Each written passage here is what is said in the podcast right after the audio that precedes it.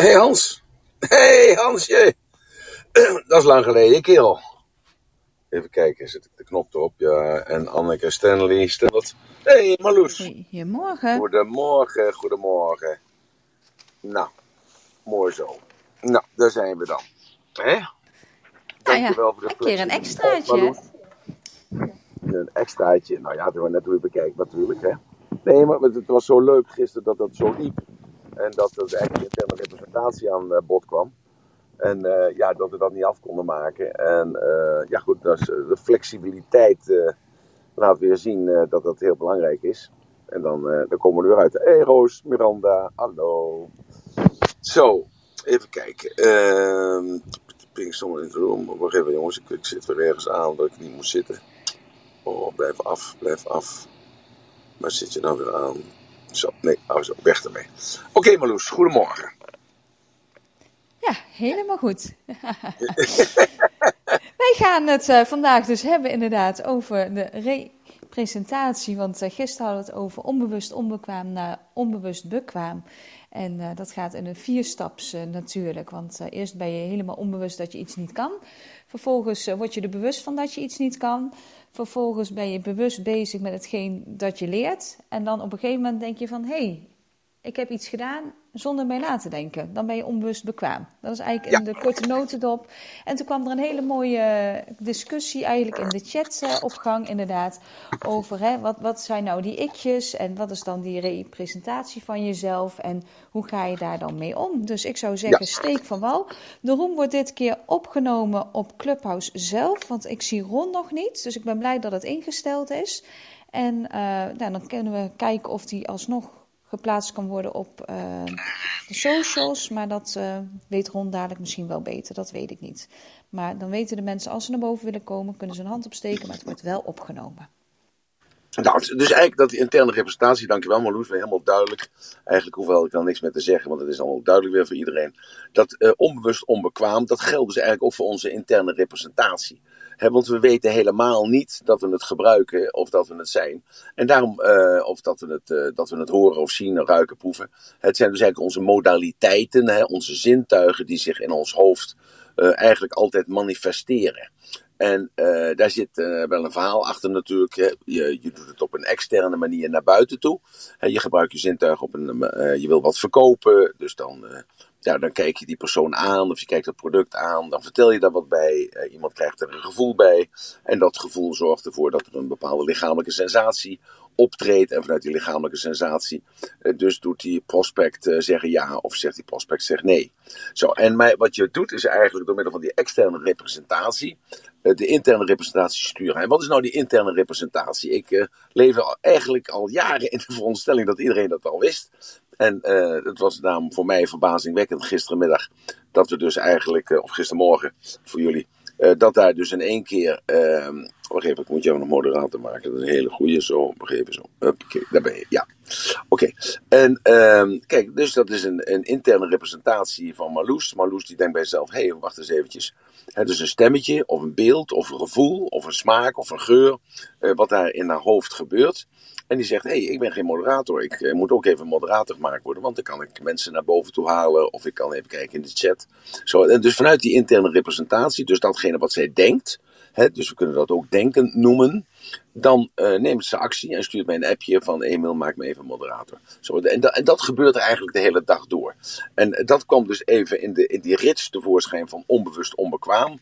Je weet niet dat je het niet weet. Hè, je weet niet dat je het niet weet. En ondanks dat kun je het toch wel best doen. Ehm, je weet niet dat je het niet kent. Dus dat je het eh, niet kan doen, niet kan doen. Zo, en als je dus dat bewust van wordt van, hey, ik, ik ken dus niet schrijven, of ik kan niet schrijven, sorry neem niet kwalijk. Ik kan niet schrijven, ik kan niet autorijden, ik, ik kan niet rolschaatsen, ik kan niet appen, ik, ik, ik kan geen geld betalen, ik kan die rekensom niet maken. Dat komt eigenlijk altijd voort omdat je je vergelijkt met iemand anders. En dat vergelijken met iemand anders heeft uh, in heel veel contexten eigenlijk een hele slechte betekenis. Maar in deze context is het eigenlijk een hele goede betekenis. Want daardoor herken je juist iets in jouzelf.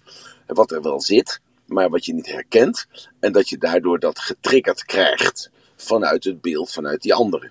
Zo, en als je dus dat nou uh, beseft, dan begrijp je ook dat heel veel mensen die dus uh, ja, op YouTube zitten, uh, allemaal influencers hebben waar ze, die ze volgen, dat ze zoveel dus indrukken krijgen, anders denkende methodieken krijgen, dat mensen daar heel onrustig van worden. En vanuit dat onrust, hè, dus dat is dan eigenlijk een, een gevolg van die interne representatie, omdat die interne representatie dat allemaal wil verwerken, allemaal wil beoordelen, allemaal dus een oordeel over wil geven en misschien er ook allemaal wat mee wil doen. En tegelijkertijd, die andere interne representatie zegt, doe jij nou even rustig aan, want uh, je komt nu al niet klaar met je werk. Laat staan dat je dus, als je datgene wat je nu allemaal leest en ziet en hoort en voelt, dat je dat ook nog gaat doen, ja, dan word je dus echt helemaal gek. Zo, dus dat is dat is interne representatie. En als je daar dus bewust van wordt, hè, dus je bent bewust van dat je dus onbekwaam daarin bent, want jij, wordt, jij laat je leiden door die paniek, als het ware, die er daarboven veroorzaakt wordt. Hè, dus dat paniek is een bepaald gevoel, maar dat wordt veroorzaakt door die interne representatie. En die interne representatie, die moet je dan tot de orde roepen. En als je dat niet weet, kun je natuurlijk ook niet tot de orde roepen. Word je daar bewust van dat er dus daarboven is, dat er dus een bepaalde volgorde in zit. Voordat je gek wordt, voordat je agressief wordt, voordat je verliefd wordt, voordat je bereid bent om te kopen, voordat je dus jezelf gemotiveerd hebt om dus uh, naar de gym te gaan, bij wijze van spreken. Of die interne representatie bepaalt ook uh, of je volhoudt dat je die paar kilo's eraf kan halen. Nou, noem allemaal maar op. Dan is het, het effect, is dus de daad. Hè? Dus datgene wat jij dus doet. En daarom is het zo belangrijk dat je die interne representatie kunt sturen. En ga je daar dus mee aan de slag. Dus dan word je je besef van, van oké, dus dat zijn mijn zintuigen. Hè, dat is mijn tong, hè, dat is mijn smaak. Uh, het is mijn neus, het is mijn geur. Het is dus de, datgene wat ik zie, het beeld. Het is dus datgene wat ik hoor, dus dat is een geluid. En datgene wat ik voel. En dat voelen, dat is bovenin je hoofd. Dus dat is een hele rare gewaarwording. Heel veel mensen zeggen vandaag de dag: ja, ik voel dat jij uh, de waarheid spreekt. Of ik voel dat ik hier niet thuis ben. Da daarmee zeggen ze eigenlijk niet dat ze dat voelen, dat er geen uh, druk is ergens. Nee, ze spreken hun hersenen na. Dus, dus ze voelen dat niet. Nee, ze zitten in hun hoofd. En in hun hoofd komt er dus iets dat hen doet besluiten om dus iets niet of juist wel te doen. En dat noemen ze dan een gevoel. Nee, een gevoel is nooit iets anders dan een etiket op een lichamelijke sensatie. Ik kan dat niet genoeg benadrukken. Dus een gevoel is niets anders dan een etiket op een lichamelijke sensatie. En dat onderbuikgevoel dan? Dat is hetzelfde. Het onderbuikgevoel dat zit gewoon in je hersenen. Dat heeft niets met die onderbuik te maken. Jij noemt dat een onderbuikgevoel. Iemand anders noemt het intuïtie. Het is een rationeel proces.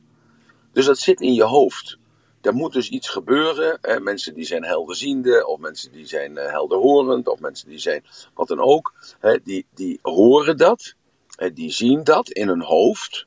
En, en of ze nou het juiste zien of niet het juiste zien, dat maakt even niet uit. Hè? Want dat bepaal jij of je erin gelooft. En dat bepalen zij of zij er ook zelf in gelooft. En, en, en vanuit daar krijgt die persoon krijgt een bepaald gevoel dus jij ziet iemand, dus, dus, het beste is altijd, je gaat gewoon met iemand naar een feestje, die dan een heel hoog ontwikkeld buikgevoel heeft. Nou, en dan voordat je naar binnen gaat, zeg je, nou maar we doen je een blinddoek voor, we doen je een neuslapje voor, we doen je oor, uh, oordopjes in. En uh, wat is er nog meer? En je mag niks door niemand aanraken. Dus ze gaat, hij of zij gaat dus in een ruimte waar zij niets van haar zintuigelijke informatie krijgt.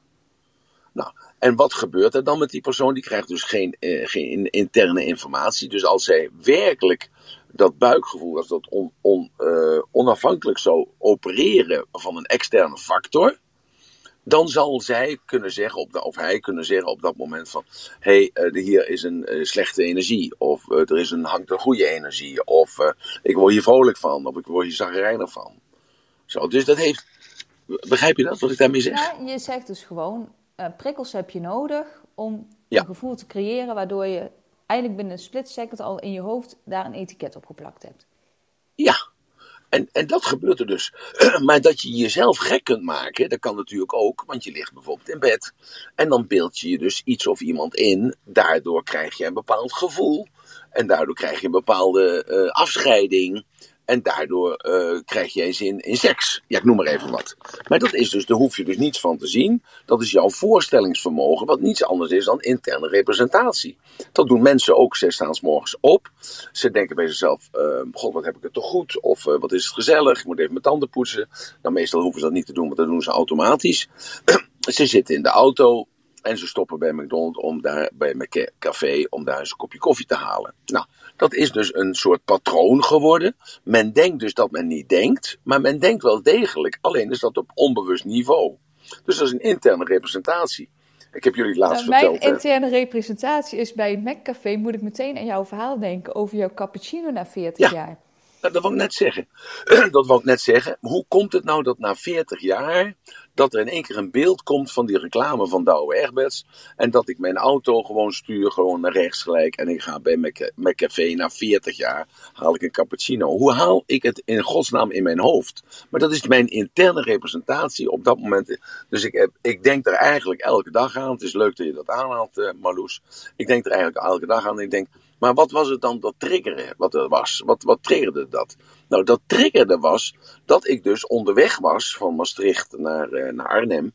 En dat ik dus, uh, ja, maar eigenlijk uh, op dat moment een beetje medelijden met mezelf had, laat ik het maar zo maar zeggen. Een beetje, beetje ontevreden was met mezelf dat ik het gewoon niet gezellig had met mezelf.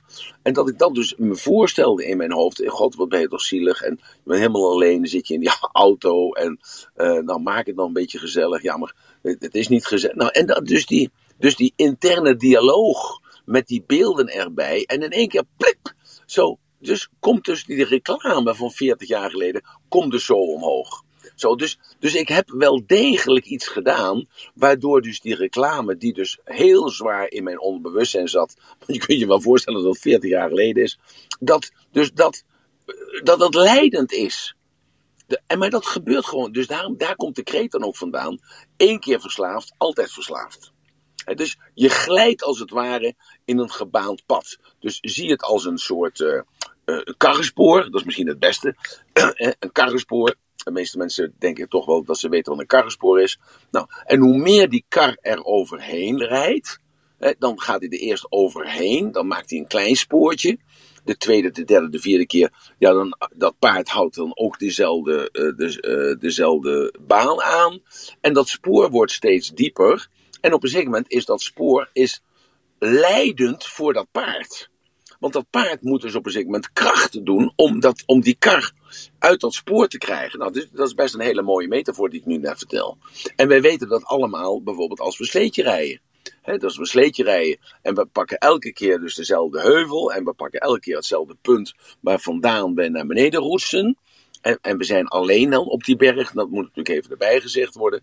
Zo. En dan ontstaat er op een zeker moment een spoor waarin die slee blijft. En als je dan die, slee, die uit dat spoor wil halen, heb je daar kracht voor nodig. En als het heel lang, heel lang duurt, dus je bent honderd keer naar beneden gegaan en je wilt dan toch met, uit dat spoor komen, heb je daar geweld bij nodig. En meestal val je dan, en uh, dan val je niet, maar dan meestal dan, dan sla je over de kop. Of dan sla je over de zij, omdat je dan toch uit dat spoor wil komen. Zo, en dat is met ons denken hetzelfde laken en pak. Als eenmaal dus iets door middel van die vijf zintuigen in je hoofd zit, dan is dat verankerd. En die vijf zintuigen, dat is dus als het een beeld is, als het een geluid is, als er een gevoel bij zit, een smaak en een geur, dan, uh, dan heeft dat veel meer impact op jou. En dat, gisteren heb ik dat nog verteld. Hè? Dat dus, wat is nou het effect van onze eigen interne representatie? Uh, als wij dus iets nieuws meemaken. Hè, of iets nieuws horen. Als we iets horen, dus enkel alleen maar horen, dus iemand zegt iets tegen jou, dan heeft dat maar een effect van 10% in jouw hoofd, dat je het kunt reproduceren. Dat je het kunt reproduceren. Dus als iemand tegen jou zegt: Mijn telefoonnummer is dat, of de weg daar naartoe is zo, dan is dat maar 10% kans dat je dus door dat luisteren, dat je dat oppakt en dat je dat kunt doen. Maar wat je leest, heeft meer impact. Dus als jij dus iemand ziet, misschien heb je dat wel eens gezien, hè, dat eh, ik ontmoet iemand, Marloes, maar heb je wel, denk ik, want heb je wel eens bijgestaan, iemand geeft mij een naamkaartje, ja, op dat naamkaartje staat zijn naam, Ik lees dat en wat doe ik daarmee? Daarna schrijf ik zijn naam nog een keer op dat kaartje.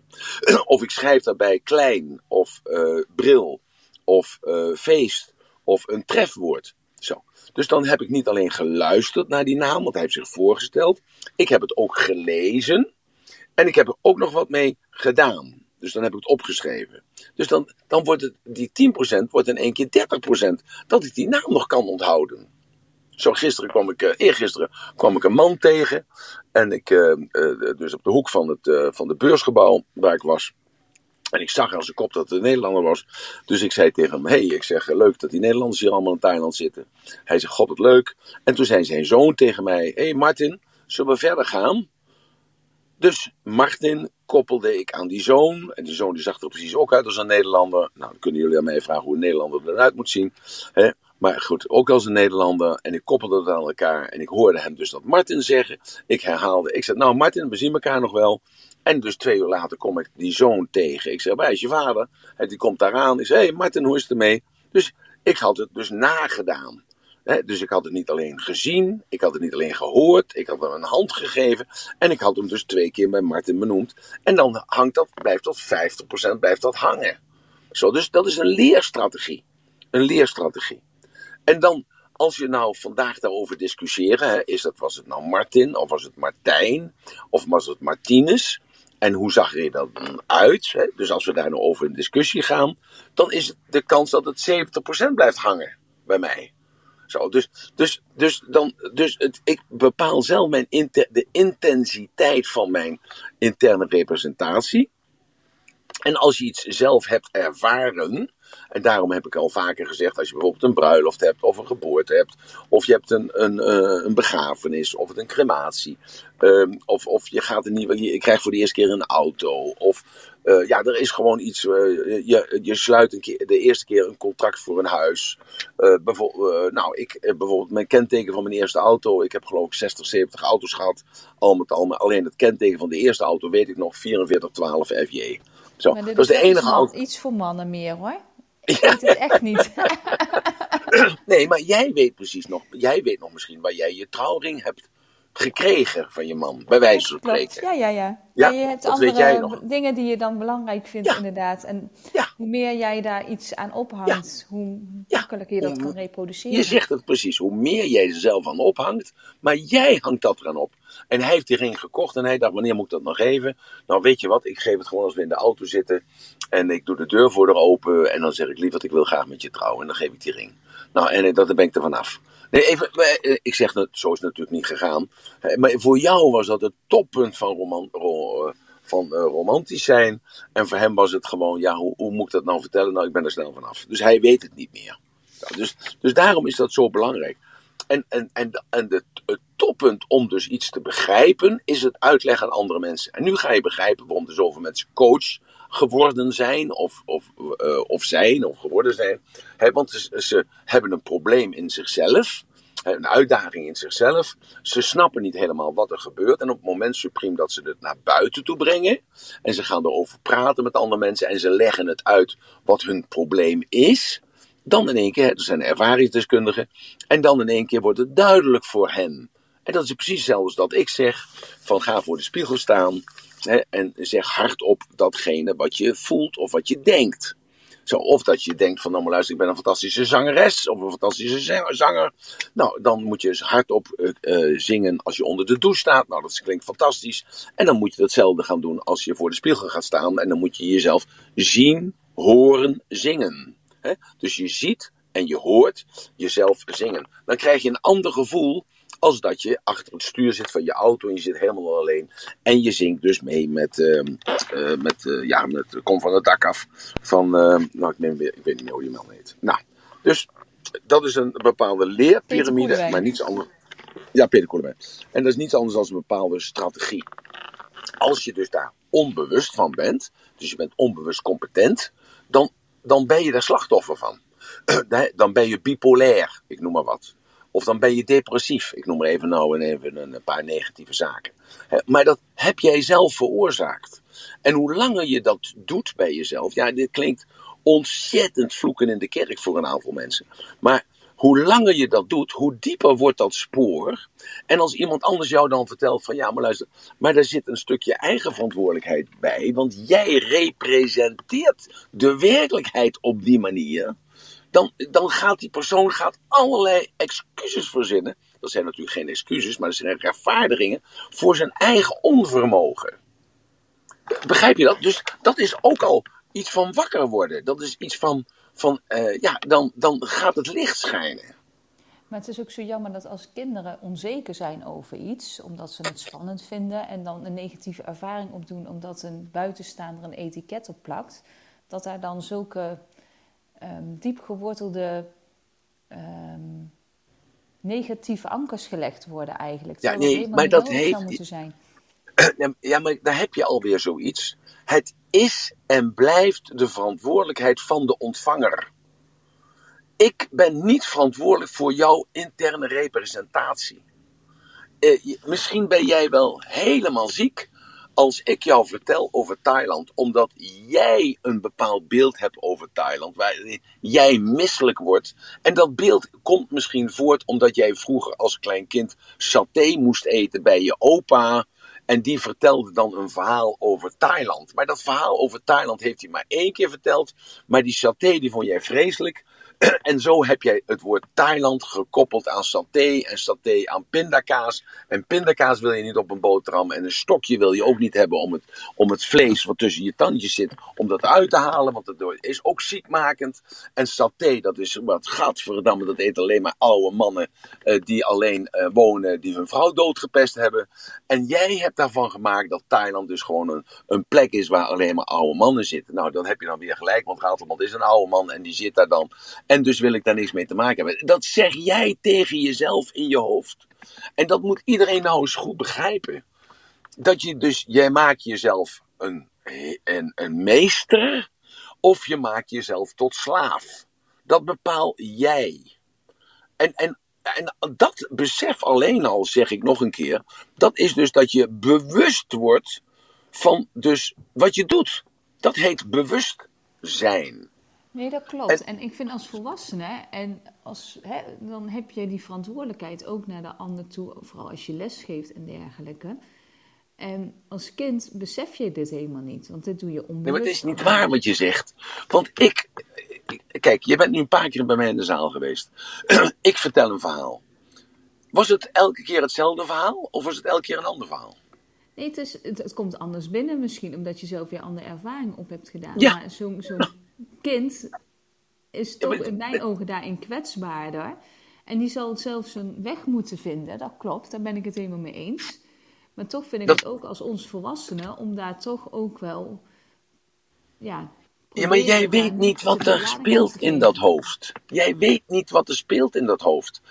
Want jij weet niet hoe dat kind de, de, de zwangerschap ervaren heeft in jouw buik. Je weet niet hoe hij of zij de geboorte dat ze dus met het kleine hoofdje door dat, uh, met het grote hoofd door dat kleine gaatje moest ervaren heeft. Jij weet niet hoe ze geschrokken is. Terwijl ze dus uit die veilige baarmoeder kwam en in één keer onder een lamp kwam te liggen. En er in één keer een vreemde persoon uh, haar um, een, rietje in de mond duwde om eventjes het water eruit te spoelen. Zo, dus je weet er helemaal niets van. Wat er gebeurd is, is dat kind een onbeschreven blad? Of is dat kind al helemaal beschreven?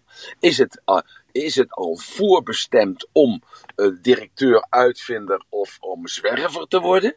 Uh, of is dat allemaal, hangt dat allemaal af van jou als vader en moeder en omgeving, zodat die persoon daar komt? Of uh, dat het gegarandeerd is dat hij multimiljonair gaat worden of zo? Of dat hij verlicht wordt, of dat hij een soort Gandhi, Gandhi wordt, of een Dalai Lama?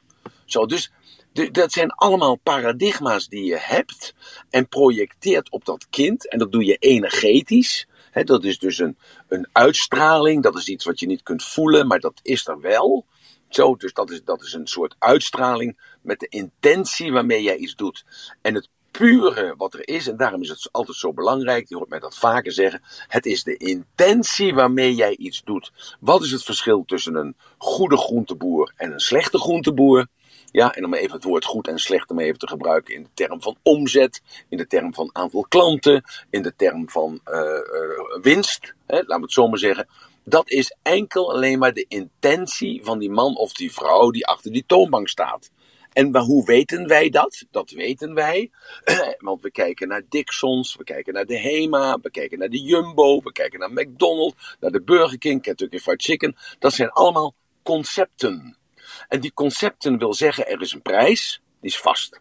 Er is een kwaliteit, is een norm, die is vast. Een verpakking is vast. Reclame is vast. Locatie is wel verschillend, maar het moet wel voldoen aan een bepaalde normering. Zo kan je dus, als jij een paar miljoen op de bank hebt staan, dan ga je naar meneer McDonald toe. En dan zeg je, goh meneer McDonald, ik wil graag een, eh, een franchise van u kopen. Nou, zegt hij, dat, dat kan. Hoeveel heeft u? 5 miljoen. Nou, dan kunt u een, eh, een kleine McDonald's kunt u krijgen uh, op de snelweg op de A12. Heeft u 10 miljoen, dan kunt u een grote McDonald's kunt u uh, franchisen uh, op, de, op de A2. Heeft u 20 miljoen, dan kunt u een franchise in de, in de reguliere Breestraat franchise in Amsterdam. Ik noem maar even wat. En dan kunnen zij jou precies vertellen hoeveel omzet jij gaat maken. Dat weten ze tot op de hamburger nauwkeurig. Ze weten het tot op de salade nauwkeurig. Dat weten ze gewoon. Dat kunnen ze zo voorspellen. En dat komt gewoon uit. Maar nu komt het. De man of de vrouw die er staat, die bepaalt dat het 10% naar beneden is of 10% naar boven.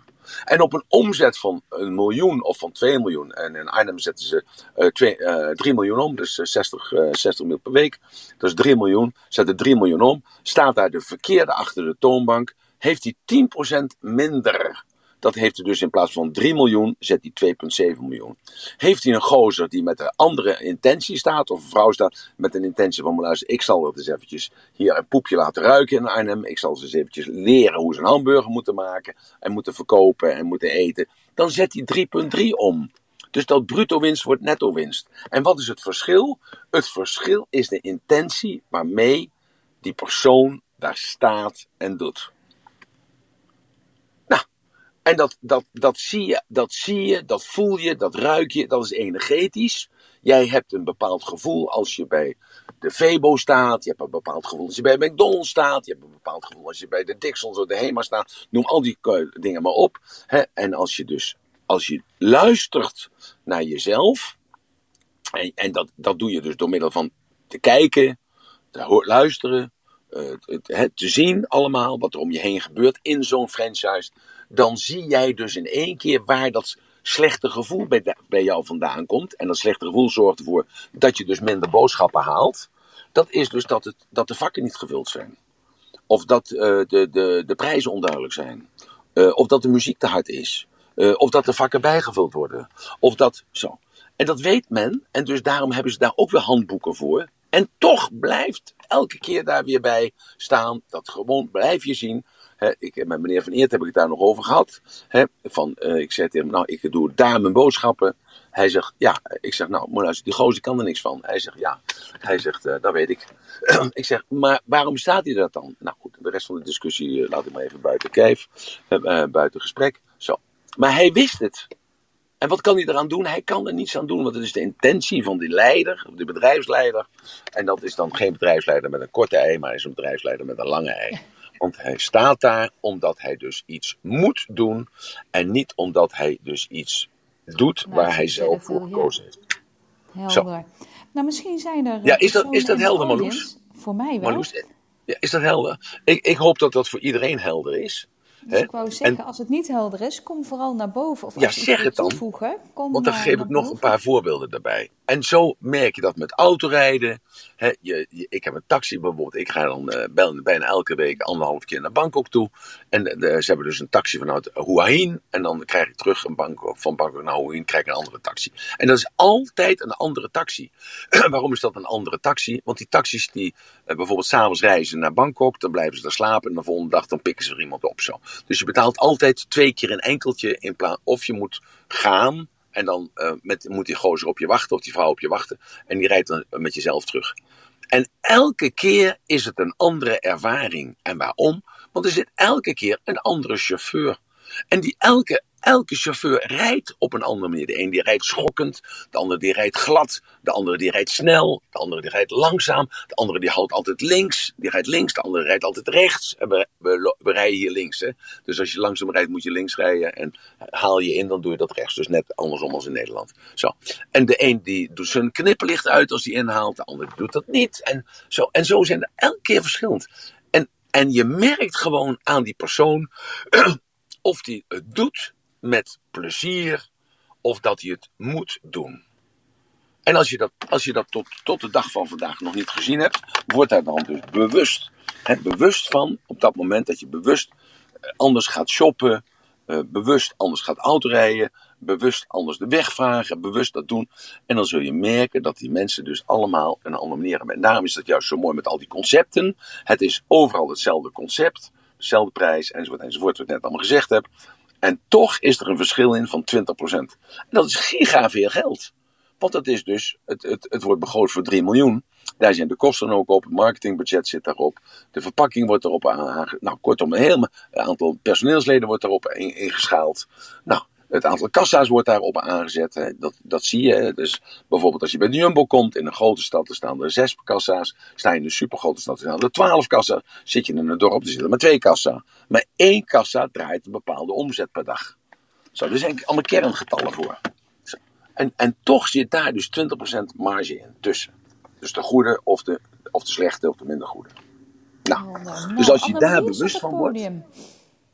Als je daar bewust van wordt, dan maak je een hele grote sprong uh, in, dat, in die waarneming, maar ook voor jezelf. Voor jezelf, voor je eigen handelen. Dat je dan denkt bij jezelf, ja, nou begrijp ik waarom die details juist zo belangrijk zijn.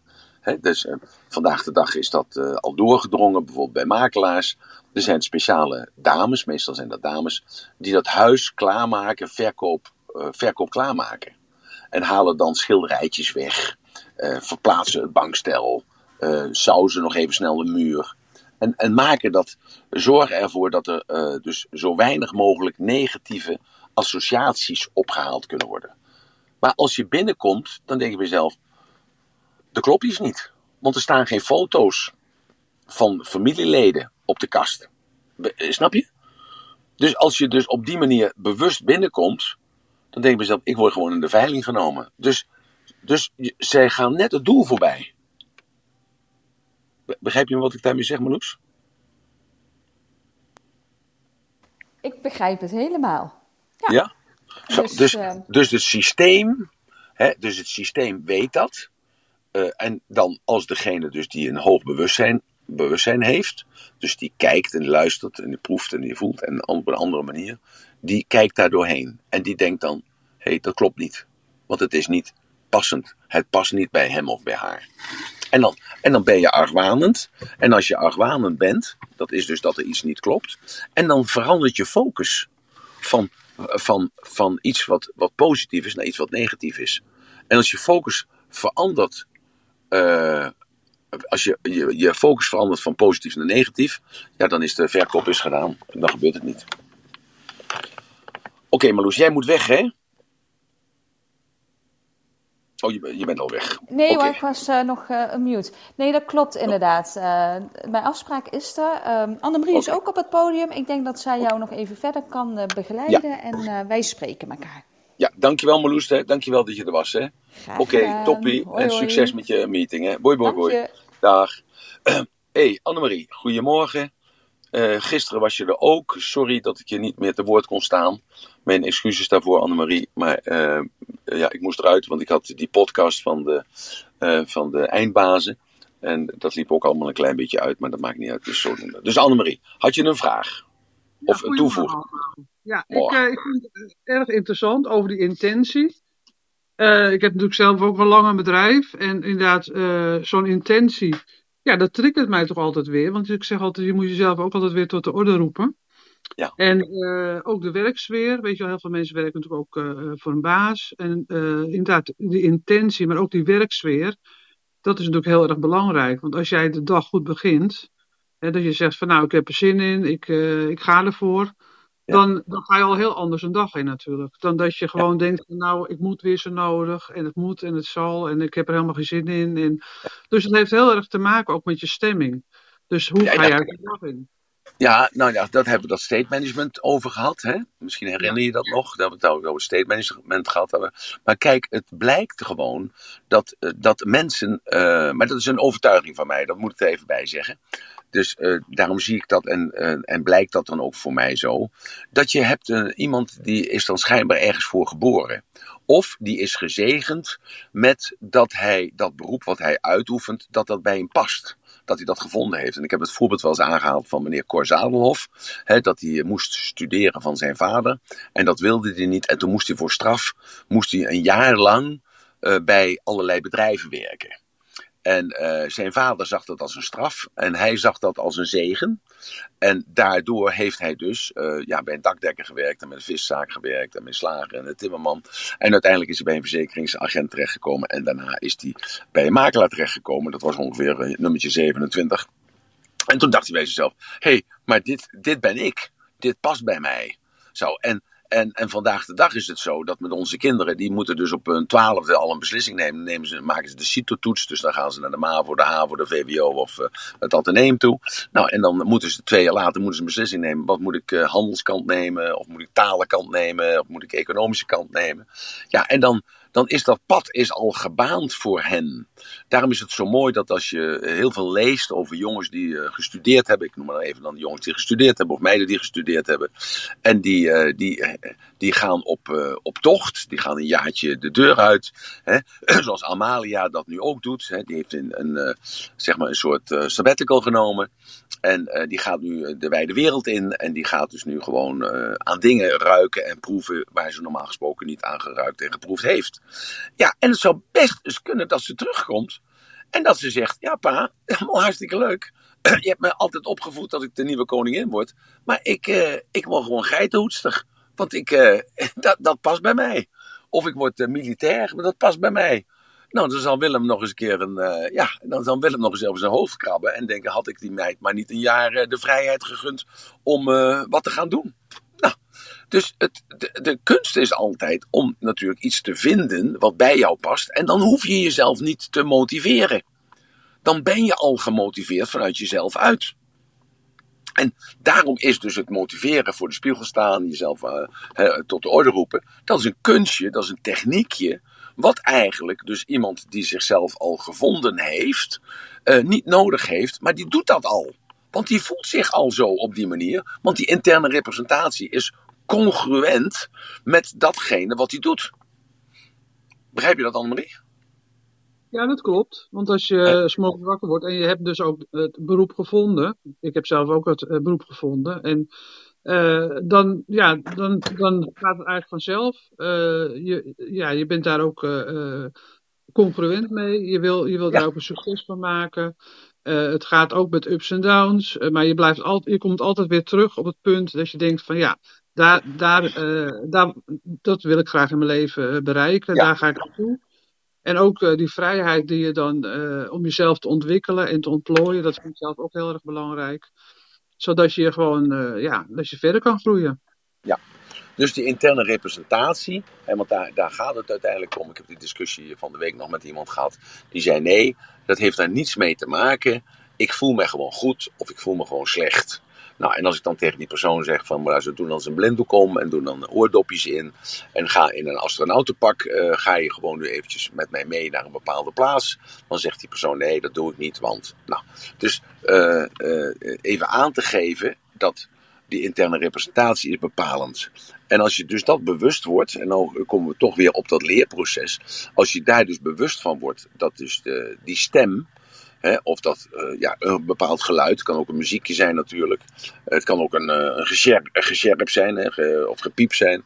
Waar komt dat dan vandaan? Of dat beeld, waar zit dat beeld? Is dat, dat buiten mij of zit dat uh, binnenin mij?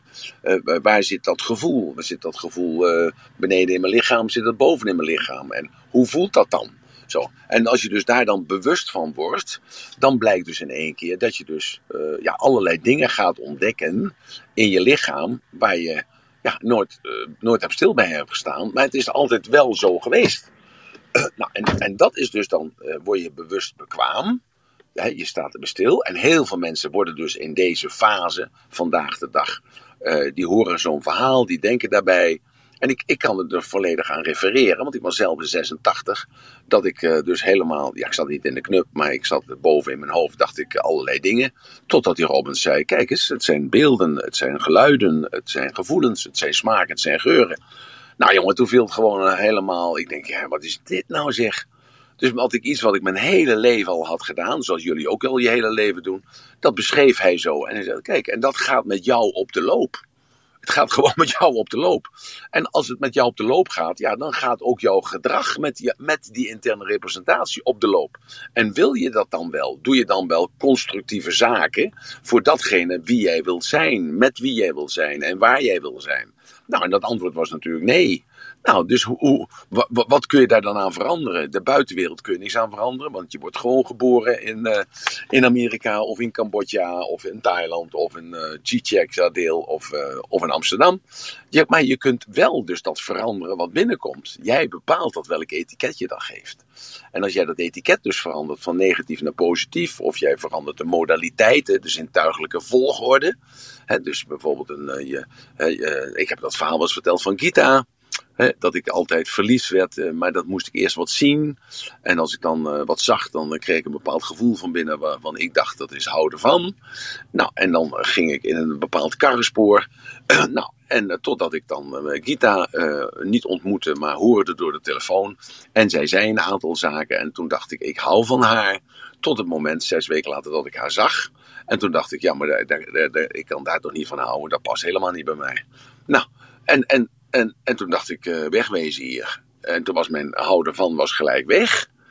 En, uh, ja, en toen dacht ik, uh, s'avonds na, of de volgende morgen toen ik wakker werd, dacht ik, ja, dat is toch wel eigenlijk heel raar wat je doet, Ratelband. Want al die relaties zijn allemaal op de knippen, klippen gelopen. Want je hebt allemaal dezelfde strategie gebruikt. Je hebt eerst gekeken, en nog een keer gekeken, en nog een keer gekeken. Nou, en toen pas ben je gaan luisteren, en toen pas heb je een gevoel gekregen. En nu doe je eigenlijk nou doe je precies hetzelfde. Want je, normaal gesproken in het café, of onderweg, of uh, bij een relatie, of bij een verjaardag, als je haar tegen was gekomen, had je gekeken naar haar had je gedacht, nou, Jan moet ik niet hebben. Zo, nou, en toen heb ik mezelf tot de orde geroepen. En ja, en toen kwam dus die liefde terug, maar op een hele andere wijze. Zo, dus dat is een, een, gewoon een heel banaal voorbeeld. En ik hoop uh, niet dat te veel mensen zich daarin herkennen. Maar gewoon een banaal voorbeeld van hoe een strategie. Hè, want het is een bepaalde strategie, dus dat is dat karrenspoor. Dat jij dus iets doet. Je bent dus onbewust bekwaam. Je hoeft er dus niets over na te denken. Je doet dat gewoon. Dat je dus jezelf ook tot de orde moet roepen. En dat is dus groeien. Dat is werkelijk groeien. Dat als je dus ergens onbewust bekwaam in bent. En meestal gaat dat dus gepaard met een crisis, hè, met pijn, met ziekte, visement, mensen je verlaten, eh, dat je alleen gelaten wordt. Nou, kortom, dat je, het, uh, dat je niet meer houdbaar bent met jouw gedrag. En dan is er dus een noodzaak om te zoeken naar een andere model voor jou. En dan, als je dus, eh, daarom zeg ik altijd, je kunt doen en laten wie zelf wil, de crisis komt vanzelf. En die crisis, dat zien we dus nu. Hè. We hebben eerst de coronacrisis gehad. Wat heb, heb jij daarvan geleerd? Zo, en nu hebben we dan de crisis met de Oekraïne. Wat heb jij daar dan van geleerd? En zo direct dan stort het hele zootje in elkaar, want dat gaat gebeuren. Ja, economisch gaat dat. En dan gaan allerlei sociale structuren gaan worden kapotgetrokken. En als die sociale structuren kapotgetrokken worden, gaat jouw veiligheid en jouw zekerheid gaat kapot. En dan zullen we kijken hoeveel mensen vandaag over twee jaar dit gesprek volgen. Over dus interne representatie. En over zelfbewustzijn, en over zelfvertrouwen, en over intentie, en over gevoel, en over grensverleggend gedrag, enzovoort, enzovoort. En grensoverschrijdend gedrag, want dat is dan dus het, eh, de superlatief daarvoor.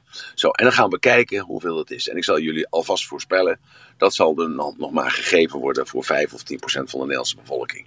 Omdat dus de piramide van Maslow is gewoon een vast gegeven. Ben ik dat duidelijk in, Annemarie? Ja, en nu mag ik nog wat vragen. Dus uh, je, je, geeft nu allemaal dingen wat te, te, gebeuren staat. Maar dan is het eigenlijk wel heel mooi als je dan het model kan vinden. Uh, om uh, je daarvoor klaar te stomen, zeg maar. Juist. Hoe, en daar daarom heb ik al vaker gezegd. Iedereen die hangt zijn winterjas na de winter weg in de kast. Die stoft hem af. Die laat hem misschien nog stomen. Er hangt er een plastic zak overheen vanwege de motten.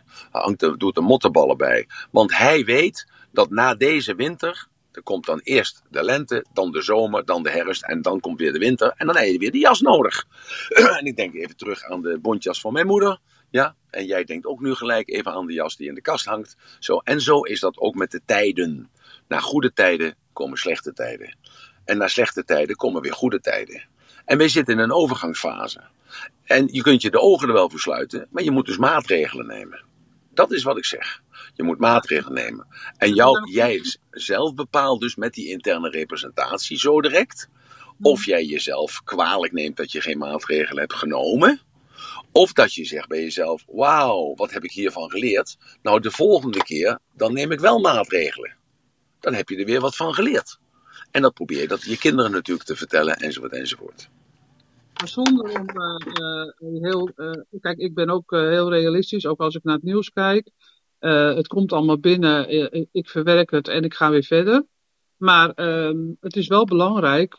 kijk, je kan, je kan het nooit allemaal van tevoren echt zien aankomen. Ik heb toevallig van de week nog naar de Tweede Wereldoorlog zitten kijken. Daar was een hele documentaire over. Heb ik eens even goed naar die beelden gekeken. En toen dacht ik, ja, dit is wel heel goed om even naar te kijken. Want het kan zomaar weer gebeuren. Niet dat ik daar angstig voor ben. Maar ik, ik heb er toch even naar gekeken om te kijken van uh, wat is het, uh, vooral het realistische beeld. Wat, wat kan er op je afkomen? Zeg maar. Ja, hoe bedoel je dat? Ik, ik snap hem even niet. Nou, gewoon uh, dat, dat je toch van ervaringen in het verleden, zeg maar, hè, wat, wat er allemaal gebeurd is, ja. dat je toch daar doorheen kan kijken. En dat je kan kijken van ja, welke beslissingen moet ik gaan nemen. Nou ja, de geschiedenis heeft ons geleerd dat we van de geschiedenis niks geleerd hebben. Want als je kijkt naar de patronen wat er momenteel gebeurt, je kijkt naar de patronen hè, op eh, landelijk gebied. En daarom heb ik vandaag een twittertje gestuurd. En dat ging dan even over Rusland moet betalen over de schade die er in Oekraïne is. Hè, uh, ja, heb ik, ik weet niet meer wat ik erbij gezet heb. Ik twijfel aan de geestelijke gesteldheid van de leiders die, die zoiets roepen. Omdat zij nog steeds in de overmoed zitten. Ja, en, en, en de hoogmoed zitten. Van wij bepalen wat er gebeurt. En we weten allemaal het spreekwoord: hoogmoed komt voor de val. Want neem dan maar van mij aan. En echt geloof me nou maar wat ik tegen je zeg. Want je zult gewoon na, na een paar maanden zullen zeggen: die Radelband het vooruitziende blik. Nee, ik heb geen vooruitziende blik. Want namelijk alles herhaalt zich. Alles herhaalt zich. en uh, dat wil ik zeggen dat uh, je moet die Poetin gewoon niet onderschatten. Die Poetin weet precies waar hij mee bezig is. En Poetin doet het niet alleen, want Poetin heeft gewoon Rusland en China achter zich staan. Want het zijn gewoon eh, broeders van elkaar. Nou, en er is een veel groter geheel, er is een veel groter iets. Ik heb twee jaar geleden, uh, wist ik al, en ik heb dat twee keer vernoemd. Ik zal dit nu nog een keer vernoemen, dus de laatste keer dat ik dat vernoem. Dat twee jaar geleden zijn de Chinezen, uh, drie jaar geleden is dat gebeurd, uh, drie jaar geleden zijn de Chinezen zijn voedsel gaan opslaan. Dus hamsteren. Dus niet uh, de privépersonen, maar de overheid. En het is zelfs zo erg dat dus drie jaar geleden de boeren opdracht kregen dat zij bepaalde stoffen verbouwden zij, dus bijvoorbeeld katoen, of ja, hennep, of tapioca, noem maar even wat, of chili noem maar wat. En dat men opdracht kreeg van Beijing dat er minder tapioca nodig was, maar er was meer rijst nodig. Er was meer graan nodig, er was meer mais nodig. Want dat werd allemaal opgeslagen. En dat is drie jaar geleden is dat al ingezet. Zo, en toen dacht ik, toen ik dat hoorde, dus drie jaar geleden, dacht ik, ja, dat zal misschien wel iets met Taiwan te maken hebben. Maar uh, het heeft niks met Taiwan te maken. Het heeft met datgene te maken wat er momenteel gebeurt. Met Rusland en met Europa en met Amerika. Dus, wat zeg je?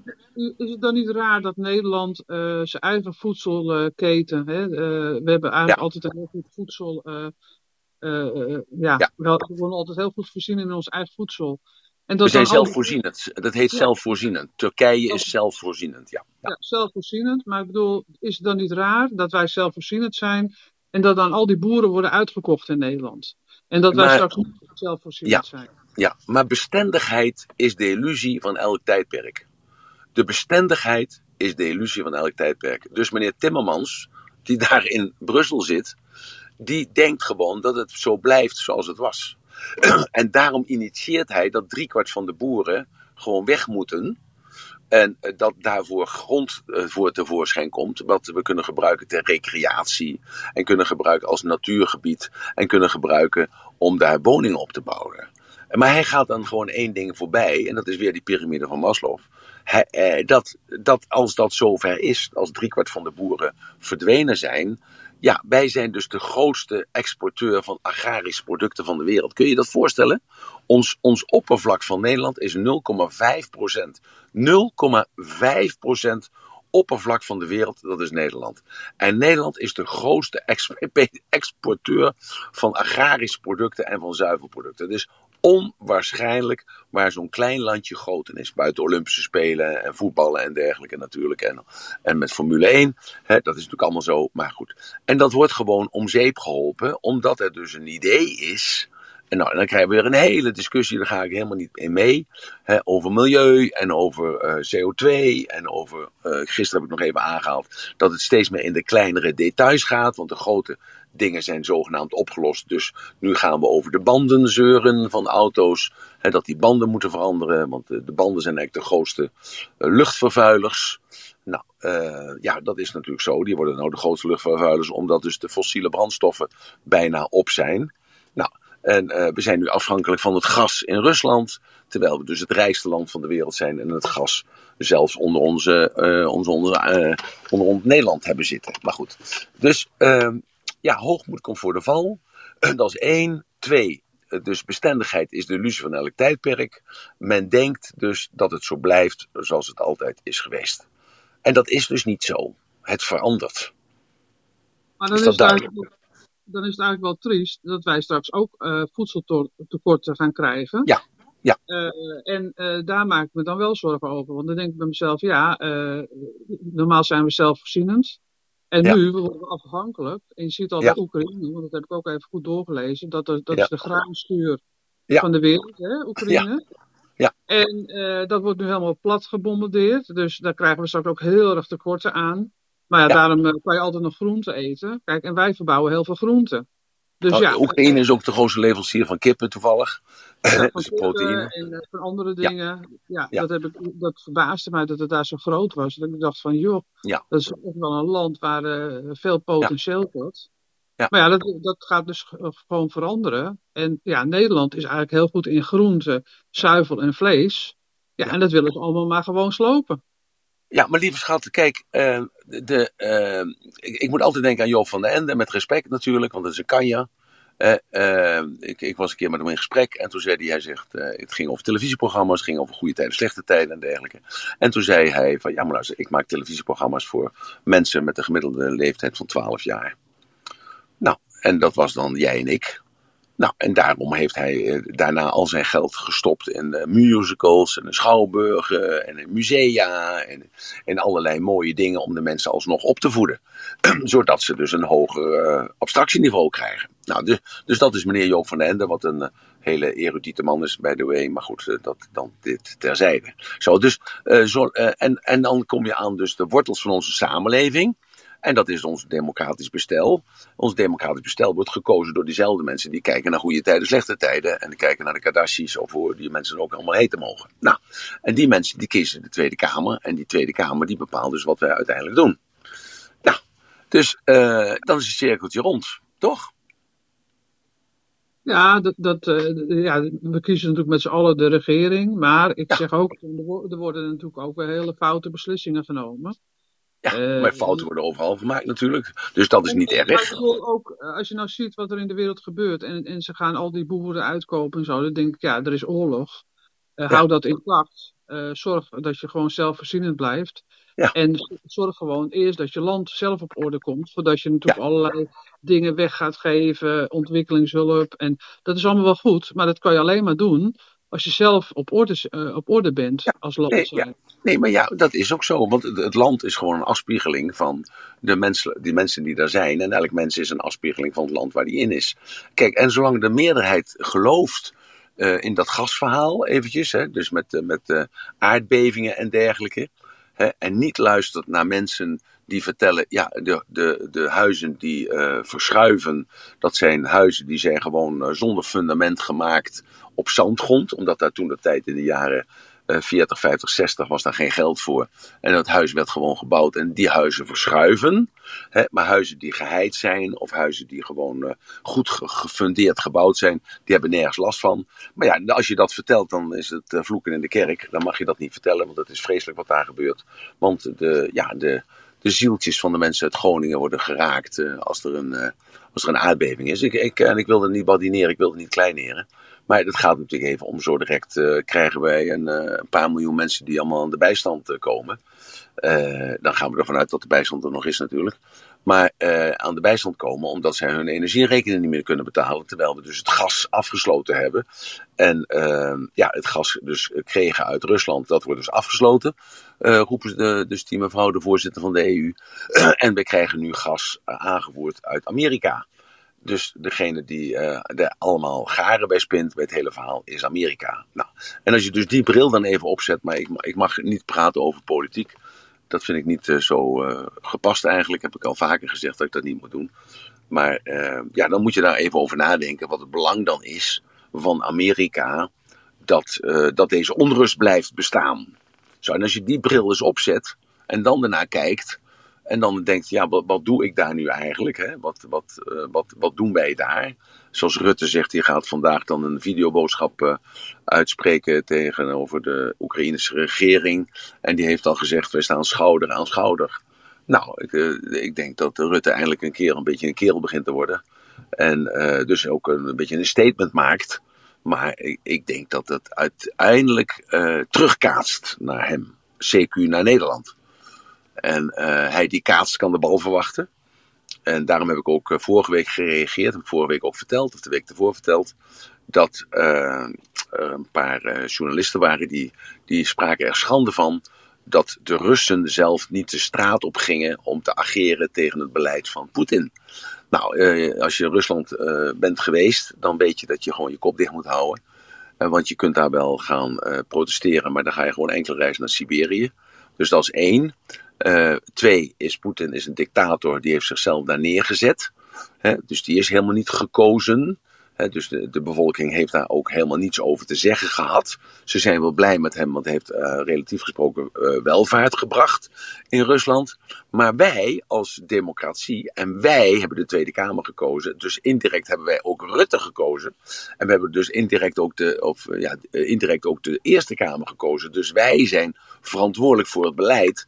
Dus als straks de Russen zeggen, ja, maar u, meneer Ratelband, of jij, Annemarie, bent verantwoordelijk voor datgene wat de Nederlandse overheid ons, eh, tenminste dan ons, uh, de bezetter van de Oekraïne, heeft aangedaan. Ja, dan stellen wij u daar verantwoordelijk voor. Dan hebben zij gelijk. Want wij kunnen er wel iets aan doen, maar we doen er niks aan. Want we lopen allemaal achter elkaar aan. En degene die er anders over denkt, denk even aan de hele corona-affaire, ja, die wordt uh, verguisd. Want over meneer Engel horen we ook niks meer. Nadat hij een paar dagen in het gevangen heeft gezeten. Hè? Ja, dus uh, je eigen woord is uh, ook. Uh, we denken wel dat we in een democratie leven, maar zo langzamerhand worden, worden we ook overal gecontroleerd. En, en, dat is helemaal niet erg. Dat is helemaal niet erg. Want daar ben je vanzelf aan. Kijk, want iedereen heeft een mobieltje. En we weten allemaal. en als je dat niet weet, ja, dan moet je toch nog even terug naar de lagere school we weten allemaal, daar zit dus iets in. Dat als ik jou wil volgen, dan kan ik jou volgen. En dus als de overheid jou wil volgen, dan kunnen ze je nu ook al volgen. En dat blijkt ook wel, dat je af en toe dan leest in de krant van uh, die verkrachter of die moordenaar of wat dan ook. Die hebben ze uh, getracked. En dan blijkt dus dat hij uh, daar en daar al is geweest. En dan blijkt al dat hij dat en dat gezegd heeft. En dan blijkt dus dat hij dat en dat geschreven heeft. Dus dat is allemaal te herleiden. Alleen als je dat hoort en leest, dan denk je niet eraan dat dat, dat ook bij jou kan gebeuren. En, dat, uh, en als je dus een, uh, een, een, een, overheid hebt met een uh, positieve intentie, ja, niet een positieve intentie voor zichzelf, want daar, dat is een andere discussie natuurlijk, maar die hebben een positieve intentie voor, voor werkelijk voor het land. En die hebben daar ook een visie voor. En die, die laten ook zien van, kijk, met mijn visie gaan wij vandaag over twintig jaar zullen wij daar zijn. En daar hebben we dus dit vandaag voor nodig. Dat is een heel ander verhaal als dat er nu ad hoc een beslissing wordt genomen over vermogensbelasting. Ik noem maar even een dwarsstraat. Hè? Uh, want die vermogensbelasting, uh, ja, dat, dat gaat nu gebeuren. Waarom? Omdat heel veel mensen nu een eigen huis hebben. En je kunt erop wachten dat er straks uh, bijvoorbeeld belasting gegeven wordt op, op internet of op e-mailtjes. Want iedereen maakt daar gebruik van. dus ja. Sorry, neem ik kwalijk. Dus dat gaat gewoon gebeuren. Ik heb een keer een cursus gegeven voor een, voor een, een, een de, overheidsinstantie. En die mensen die bedachten nieuwe belastingsoorten. Ja, er zijn uh, 80 man die daarvoor aangesteld zijn. En die bedenken nieuwe belastingsoorten. Waar kun je belasting op heffen? En wat is verstandig, wat is verkoopbaar? Uh, om die BTW te verhogen of te verlagen, of suikerbelasting wel in te heffen of niet. Wat zijn de sociale gevolgen daarvan? En waar kunnen we nog meer geld uithalen? dan dat we vandaag de dag doen. Kijk, autobelasting bestond niet totdat auto gemeengoed werd. Luister- en kijkgeld uh, werd niet geheven toen er alleen maar uh, Hilversum 1 en 2 was. Luister- en kijkgeld werd geheven toen driekwart van de Nederlandse bevolking ook een televisie had. En zo gaat dat met het eigen huisbezit, gaat dat ook zo. Nou, luister even jongens. Ik, het is bijna drie uur bij mij, of vier uur geloof ik. Ja, het is, nee, drie uur is het. Uh, misschien zijn we helemaal afgedwaald van de essentie waar het over ging of over moest gaan. Ik heb ook een beetje dik aangezet, zodat jouw interne representatie ook een beetje op begint te spelen. Dus heb ik bewust gedaan. En dat opspelen betekent dus dat ik een paar stellingen gezegd heb die gekleurd zijn. Dus ik heb kleur bepaald, zeg maar. En dat maakt jou verward. Uh, dat raak je misschien, maak je misschien in paniek. Uh, Annemarie heeft er ook nog een beetje zout in de wond gegooid. Dus dan maak je je misschien ook zorgen over, omdat je nu bepaalde zaken gehoord hebt waarvan je er eigenlijk niet over nagedacht hebt. Dat is niet erg. Maar dat was ook de functie van vandaag. En daarom ook het vervolg van gisteren. Om even verder over die interne representatie na te denken. Zijn wij daar slachtoffer van? Of worden wij daar meester van? En het punt is nu gewoon enkel alleen voor jou. Dat jij die stem, dat geluid, eh, dat beeld, die film, dat je die, en dat gevoel en die geuren en die smaken, dat je, die, dat je daar nu mee aan de slag gaat. Dat je dat gewoon gaat veranderen. Dat als jij merkt van, hé, hey, als ik dat zie in mijzelf, dan, dan word ik daar heel negatief van. als ik dat zie in mijzelf, word ik heel vrolijk van. Als ik dat hoor met die tonatie, dat maakt mij opgewonden of dat maakt mij blij. Nou, en dat, die keuze heb je, die kun je dus zo veranderen. En dat noemen we herkaderen. dus je herkadert dus iets, dat wil zeggen je plaatst iets in een andere context. Dus dat verhaal wat ik net verteld heb over Rutte. als je dat dus dan de, de context verandert van hij zegt dat dan, we staan schouder aan schouder. Nou, dan kun je daar een beeld van maken dat je dan eh, Rutte daar ziet staan tussen al die generaals van, uh, van de Oekraïne of tussen al die vechters. En dan zie je dat Rutte een heel klein mannetje is en dat al die vechters zijn gewoon hele grote, stevige kerels. Dus er is niks schouder aan schouder. Want hij komt met zijn hoofd nog niet bij het laagste schouder van al die eh, Oekraïnse vechters. Ik noem maar even wat. En als je dat dan ziet, dan moet je daar dan weer om lachen. En dan relativeer je gelijk datgene wat hij zegt. En dan maak je er ook niet kwaad over of niet ongerust over. Maar je signaleert het dat het als eh, dat je het, je signaleert het als dat het gesignaleerd wordt. En dat is objectief. En dan zie je daar de, uh, het ridicule van in. Of uh, misschien wel het mooie voor in. Of het slechte voor in. Uh, of het verontrustbarende daarin. Of het hatelijke erin. Of het onwezenlijke daarin. Het maakt niet uit. Maar jij bepaalt dat. En het is maar hoe jij je wilt voelen. En dat bepaalt die interne representatie. Die bepaalt dat. Want door die interne representatie krijg jij een bepaalde hormoonwerking. En dat is de, epigenetica. En die hormoonwerking die zet zich om. uiteindelijk in, in die celstructuur want die hormoonstructuur, dat als daar verschillende soorten, laten we maar zeggen, positieve hormonen zijn, die zorgen ervoor dat jij je gezond voelt en dat je positief bent en dat je er zin in hebt. En heb je negatieve hormonen, die komen dus door middel van datgene wat jij jezelf aandoet, wat jij jezelf aanspreekt, aan, aanpraat, die zorgen ervoor dat je je moe voelt en negatief voelt en zwaar op de hand bent en door een, een zwarte bril alles gaat bekijken. En dat ben jij dus. En jij bent dus de schepper van je eigen werkelijkheid. En dat betekent dat. En ik hoop dat dit uh, duidelijk is. en anders wil ik daar morgen nog wel een keer over praten. En als daar uh, een aantal mensen dat vragen, dan kom ik morgen nog een keer terug om uh, morgenmiddag om twee om er nog een keer over te praten. Want dit is de essentie waar het over gaat. Dit is de kwaliteit van leven. Jij bepaalt de kwaliteit van leven. Dus de etiketjes die jij overal opgeplakt hebt, van ik heb een televisie en ik heb een auto en ik heb een vent of een vrouw en ik heb een huis. En dat geeft mij die zekerheid. Dat is jouw illusie. Dat is geen werkelijkheid, dat is jouw illusie. En dan ga je begrijpen dat er geen werkelijkheid is, er is alleen maar illusie. En jij maakt dat verschil voor jezelf. En van daaruit kun je het verschil maken voor andere mensen. Dank jullie wel voor jullie tijd. En voor jullie energie en voor jullie aandacht. Voor jullie meedoen. Annemarie vooral natuurlijk dan natuurlijk. Hè? En uh, het raadsel wat je voor vandaag is. Let nou eens op voordat je iets doet. Dan ben je even stil bij jezelf. En dan ga je jezelf even na met welke intentie doe ik dit nu? Met welke intentie doe ik dit nu? Doe ik dit nu met de intentie van eh, omdat ik er zelf beter van wil worden? Doe ik dit met de intentie omdat ik het beste wil voor die andere persoon? Uh, doe ik dit met deze intentie omdat het beter is voor onze maatschappij? Doe ik het nou met de intentie omdat het liefde is? Of doe ik dit met de intentie omdat ik het slechtste wil voor die persoon? Nou, en als je daar nou over nadenkt, dan ga je begrijpen wat karma is. Want al datgene, de intenties die je hebt, komen altijd terug in de bevestiging van het waarnemen van de werkelijkheid.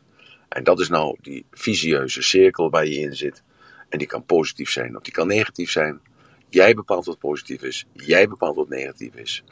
En jij kunt dan ook bepalen of je vanuit die ene cirkel naar die andere cirkel wilt. En dat je dus van onbewust bekwaam naar onbewust onbekwaam gaat. Zodat je weer een nieuw karrespoor maakt daarboven in je hoofd. Dank jullie wel voor jullie aandacht. En misschien tot morgenmiddag twee uur. En anders uh, aanstaande maandag uh, zien we elkaar ook om twee uur. Dank jullie wel. Mooie dagen. En ik hoor van jullie. Bye bye. En ik, haal, ik ga even de lucht uit met, met alles. Wacht even, moet ik even mijn bril opzetten. die staan. Ja, oké. Dan uh, zorg ik ervoor dat die... En dan eindig ik de roem. Oké okay, Annemarie? Bye bye. Ja.